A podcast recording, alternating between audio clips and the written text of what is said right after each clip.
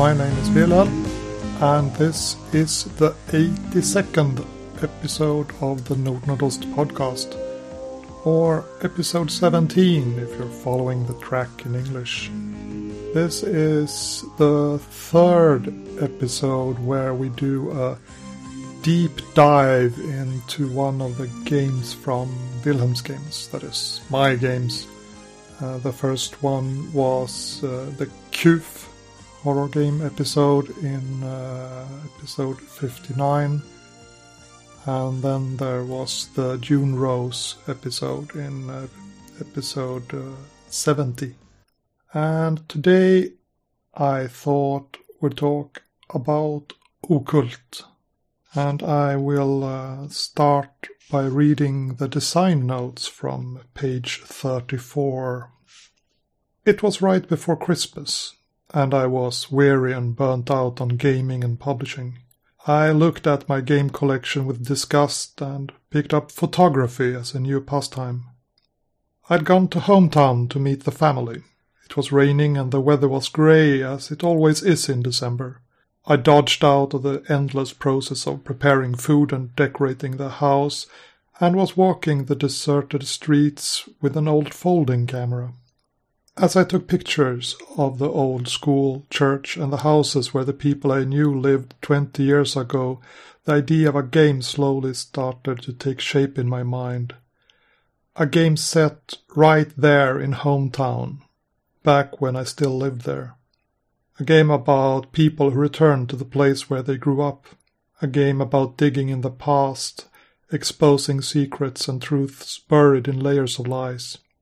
A slow burning horror game where the pieces were uncomfortably similar to the players. A game to challenge much of what I had taken for granted in gaming. Welcome back to hometown. And now, as I look back at those design notes, I must say that maybe the story starts even further back. Back in uh, 2012 on the Swedish rollspel.nu RPG boards. There, Robin posted uh, a link to a blog where he was trying to recapture the Swedish cult classic RPG KULT using the rules from Apocalypse World. And I looked at the effort. I thought it was interesting, but perhaps misguided.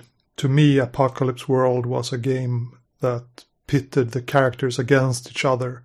We've talked about it on the podcast before as inwards pointing arrows. The characters are not out there trying to follow a single direction in the plot, towards some common goal, but the game becomes the most interesting when they turn on each other.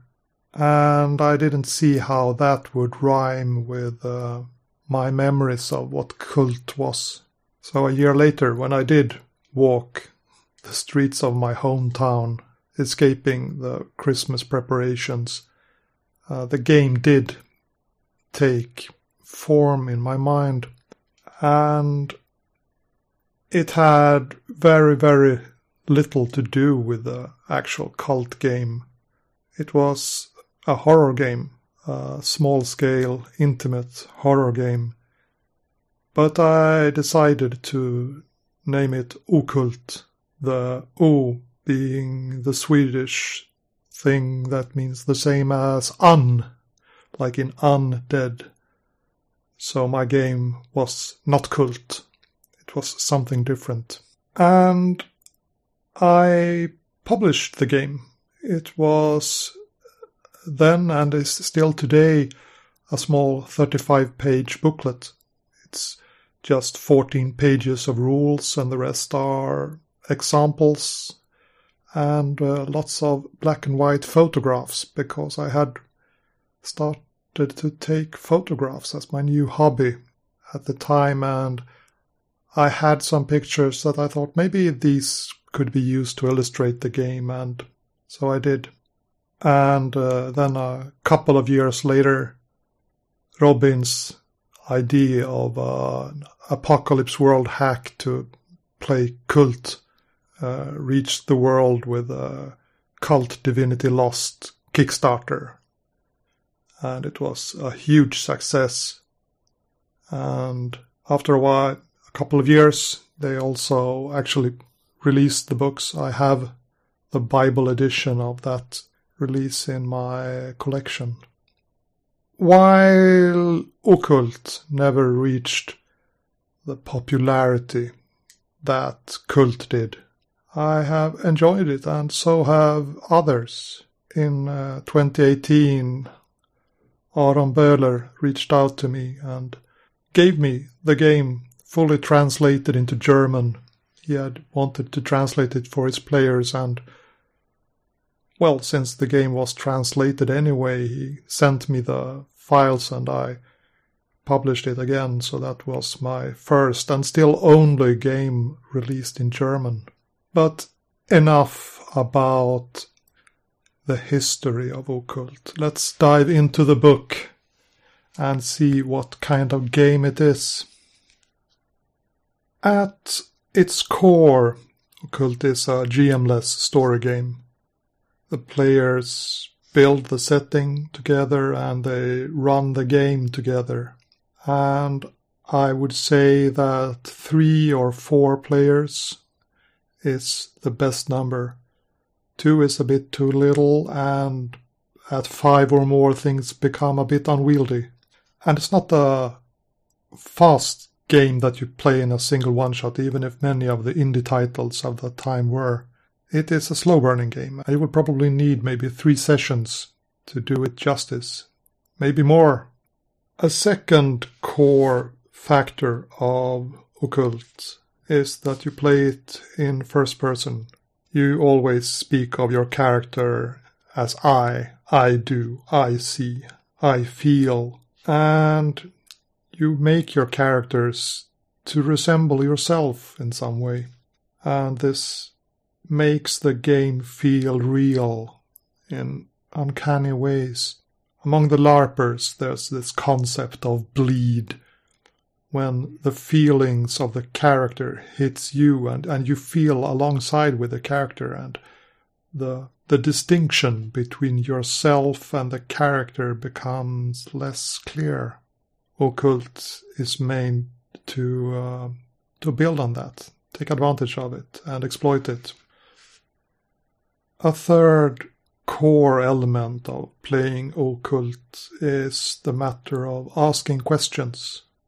And the questions are not just a way to get answers or information.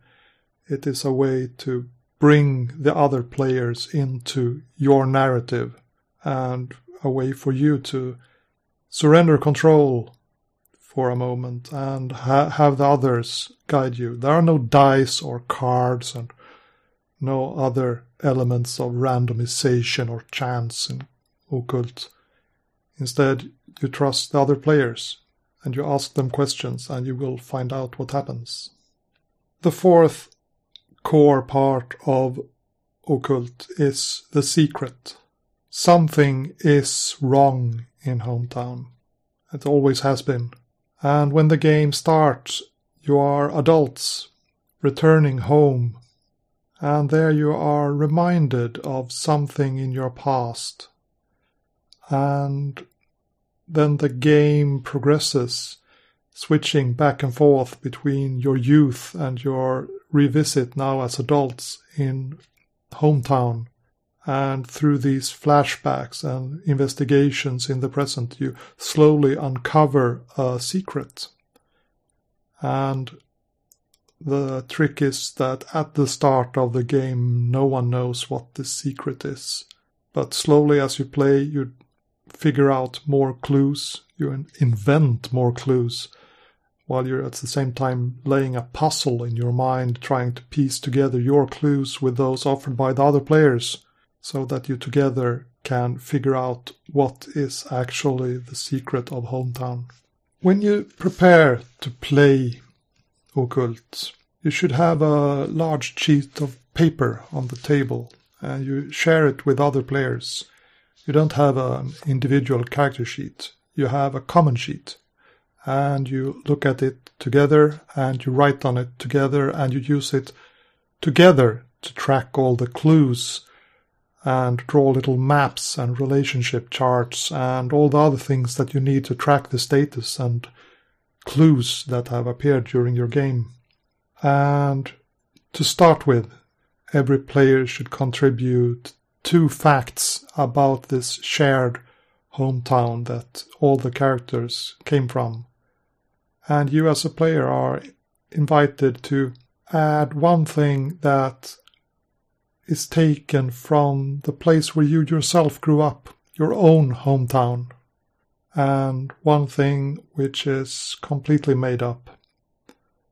And you shouldn't share which is which, so the other players won't know what your hometown was like, but you will know. And every time that comes up in play, you will get a feeling of remembering what actually happened because it feels familiar somehow. This is the first way that the game instills that sense of bleed. And I mentioned before that the game takes place in two different periods of time the present and the past.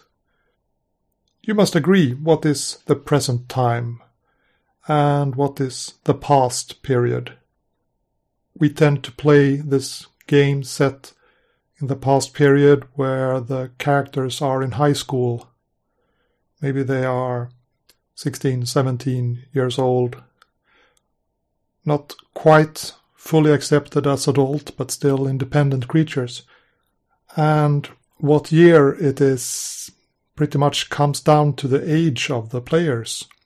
The youngest player pretty much dictates how far back you can go because you will probably want to add some time markers and play like reference popular bands of the period or know what kind of cell phones were used back then.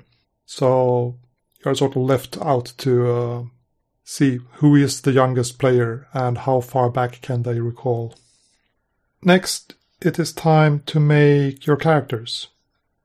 And on this shared sheet, you write down the name and date of birth of your character. And then you introduce your characters. My name is so and so, and I was born so and so. And then you add two facts about your character. One that is true for yourself and your past, something you have in common with your character, and something which is not true. And you don't ever say which is which. But every time that thing of your past comes up in play, the game digs deeper into you and it encourages the bleed. And then you end your introduction by asking a question about something regarding your character. Another player will answer that question and elaborate a bit more on your character and their situation and ask you a question in return. And you write down that question on the sheet because that will be your the focus of your uh, flashback scenes.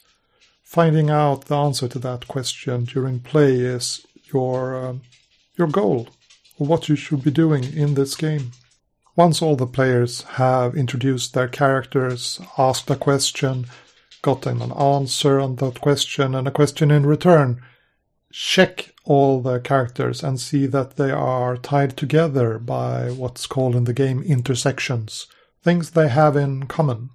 Maybe they're in some way connected by being in the same football team, or maybe they are in the same class, or they live on the same street, or they are friends. Something that makes sure that all the characters have some touching point with all the others. And when you have that in place, you move on to present time. Another player will tell you about your character, where they are now, 10 years later or 15 years later. What's their life like? What is their situation? And they will end by asking you a question. And you answer that question and elaborate a bit more on it, shape the character in some ways that you think would make it more interesting to play. And you end by asking yourself, why am I returning to hometown? Or why is this making me return to hometown? And that question becomes your starting point for the game as such. The characters have been away from hometown for a long time, but now they are returning and the game starts. And those simple steps are actually the whole prep of the game. Uh, the book suggests that you go and uh, take a short break, make some coffee or something, and then you return to playing the game. And then the game can start. And it always starts in the present, and it starts with one character. Start uh, playing a scene involving that character, showing who they are, what they're up to. And as a player, you have the goal of answering that question. Why are you returning to hometown? Maybe you are visiting your family again. Maybe there's a wedding. Maybe there's a reading of a will, whatever. Maybe you are going back to uh, write an article for a magazine about life in that strange town. But that is your general direction. And you play your character always as I in the first person, and the other players fill in, add narration, play secondary characters, the people surrounding you. And should you ever in this scene encounter something that you recognize or a person you know from the past, you pause the game and you set a new scene, and the scene is about you in the past. So you play your character as a teenager and you explore that situation, keeping the question you have for the past in mind, but you don't have to rush it. You can uh, give it the time it needs to make sense to answer it, but always keeping that uh, targeting sight. You play that short scene until you have explained who that person was you saw in the present, or what you did at that place, or how that tradition affected you as a teenager. And then you go back into the present and you continue playing. And so the game progresses, starting in the present. You play your scenes, your characters will surely run into each other at some point and you will uh, play the story together. Or sometimes you will not be together and you will explore independently. And the game encourages you to take your time, speak slowly, give your mind time to elaborate on the situation, the colors, the smells. There's no rush. Even a break or a short pause in your speech will allow the others to catch up and start imagining that very situation and scene. And you speak uninterrupted.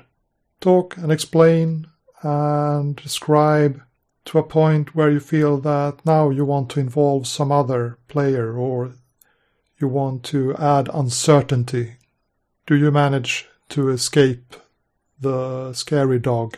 And you, then you ask a question and another player answers it and elaborates on your situation, taking their time, explaining and describing until they are satisfied to hand over control, and they always do it by asking a question.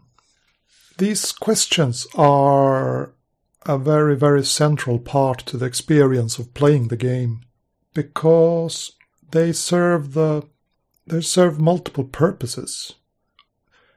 At the surface, they are just a way to make sure that no one interrupts someone who is still talking, since you are allowed to speak slowly. But they are also a signal to the others that I want your input. I value your contribution to this. And it gives people something to do.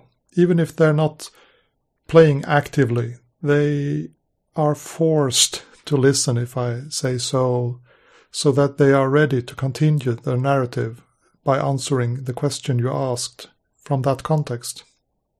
You end a scene by ending it, by de- declaring that it ended and not asking a question. And should you ever, during your uh, story, answer your question for the past or the present, then you just add the next reasonable question that you can think of. Maybe you had the question, who lived in the deserted house? And once you figured out that, maybe your new question is, what became of them? And then you can explore that. And once you know that, you can say, but who owns the building now? Or, or something or something. So you always have a, a question for waiting for you in that time period. Something to do if you don't know what else to do. Something to pursue. So you are never really stuck. There's always something to do, and if you don't want to answer that question right away, go explore something else. That is fine. Take your time. The game suggests that every player should get at least six scenes each in the present. But any scene in the present can cause many flashbacks. And there's also the possibility to what's called answering to a scene. That is, once one scene is done, if there was something you wanted to know more of or wanted to explore in relation to that, you can start an answer scene, which doesn't count against those six scenes per character. Every time you have gone a full round around the table and everyone has gotten a chance to have a present day scene for their character. Someone gets to narrate something that happens outside the view of the characters. A cut to the effects and cause of that horror or mystery that haunts hometown. And slowly it is revealed, starting very simple maybe a strange person or something floating ashore. But with each new scene, as you get closer and closer to the end of the story, the horror becomes more explicit and more details are revealed. And you lay a puzzle with all the details that have been revealed in those scenes and during the characters' investigations, trying to form a, an idea of what is actually going on in Hometown. At some point, you will feel that your characters have answered the question or solved the mystery or defeated the evil that lurks in Hometown. And once that is done, everyone should get an epilogue showing what the character's life is like at some point in the future maybe hours or weeks or even years later, showing how they were affected by returning to hometown. And that is it, really. OKULT.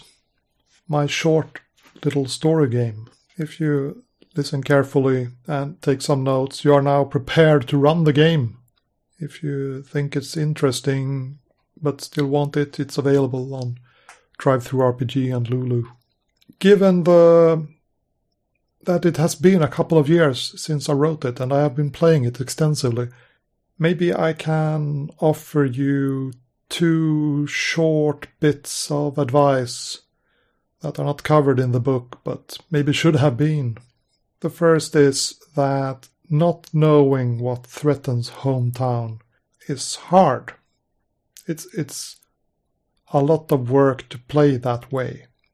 If you are all experienced game masters or storytellers, you can probably cope with it. But if you are playing the game for the first time, I suggest that you have a little chat before diving deep into the game. You don't have to explain what's wrong fully and in all detail, but just make some informal agreement like, and there are vampires in this city. Just a short little agreement so that you at least start heading in the right in the same direction together as you explore the mystery. The second bit is, and I didn't know it at the time, but OKULT is very, very, very suitable for online play, play by post. All knowledge that is spoken is shared between all the players. You are expected to have a, a large sheet together on the table when you play in person. But if you're playing online, maybe it's just a shared Google Doc where you all write your notes. Since you are allowed to speak without interruption for as long as you please until you ask a question, the game suits itself very well for offline play. You drop by the game once a day or something and see if it's someone wants an answer to a question and you write a short note i'm uh, writing an answer for this question and then you can take your time hours days whatever you need and while it is hard to play multiple scenes at the same time at the table because things are very confusing then but if you're online and you're doing it play by post having a thread per scene and having two or even three scenes running concurrently, it's it's not a problem. It, it works very well, and it can allow you to always have something to do while you're waiting for the others. And that was the whole of uh, OKULT, my short little contemporary story game. And as you have understood by now, I think you see that it's not very similar to to the KULT game that uh, launched the ideas in my mind got me started. But I still like the name. It is uh, fun in some way. It is not a real word in Swedish. It sounds almost like occult, but it's not spelled like that in uh, Swedish. So it's something unique and special. And I have had a lot of fun with this game over the years. And I recommend that you check it out if you want to play a slow burning horror game with lots of bleed to your own past. Especially if you can't find the means to play in person in these uh, days of uh, COVID 19 because this game works very, very well for online play and asynchronous play by post. And with that, I uh, thank you for joining me. My recorder says that I've been talking for almost half an hour and I'm getting a bit of a sore throat here. So uh, we'll meet again further down the line with more episodes where I do these deep dives into the catalog, talk about my games. Or if you're following the Swedish track, back to the studio with my friends where we talk about what we've been playing lately and strange ideas about what role playing games can and should be.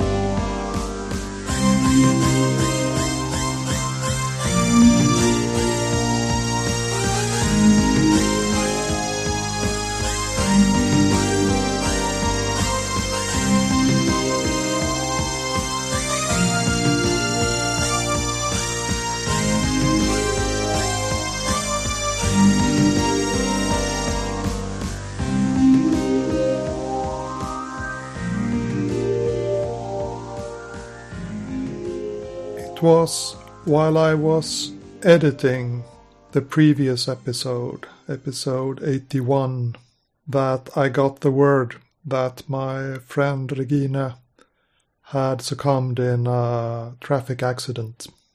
She left behind family, colleagues, friends, and gaming buddies such as myself. If you have uh, followed the Swedish episode, I'm sure you have heard her name several times. We were playing OKULT. She was the one who uh, invited me into uh, what we lovingly call the German group, even if it's not solely Germans in it. And we had known each other for many, many years. We met back on uh, Google Plus and we have played more games of OKULT together than I can count. And the idea was that she would uh, join me for one of these episodes, just like Matthias does for uh, the others, but he doesn't really like OKULT, and I think that Regina was the person in the world, with the exception of me, who had played OKULT the most. That unfortunately never came to be, so I did this one on my own, perhaps in some way to uh, honor her memory. Who knows? It is hard for me to understate the importance that Regina was to uh, Wilhelm's games and to me. Uh, since our friendship started, she was a very strong supporter of my gaming, game designs, great friend, and an excellent player. I have uh, seen her grow up in the through the form of OKULT so many times, playing past and present. When I did the cyberpunk game Cyber M77, she was the guinea pig where I tested setting ideas. We were using the rules from OKULT, but the setting was all cyberpunk. And when she saw that I had written a romance themed RPG, Ökenros, she nagged me until I had it all translated so that she could uh, read it and play it and give it as a gift to her other gaming buddies. She has left a void for me that I don't think anyone ever will fill. And if you want to, you can join me for a minute of silence in her memory, and we'll talk again sometime in the future.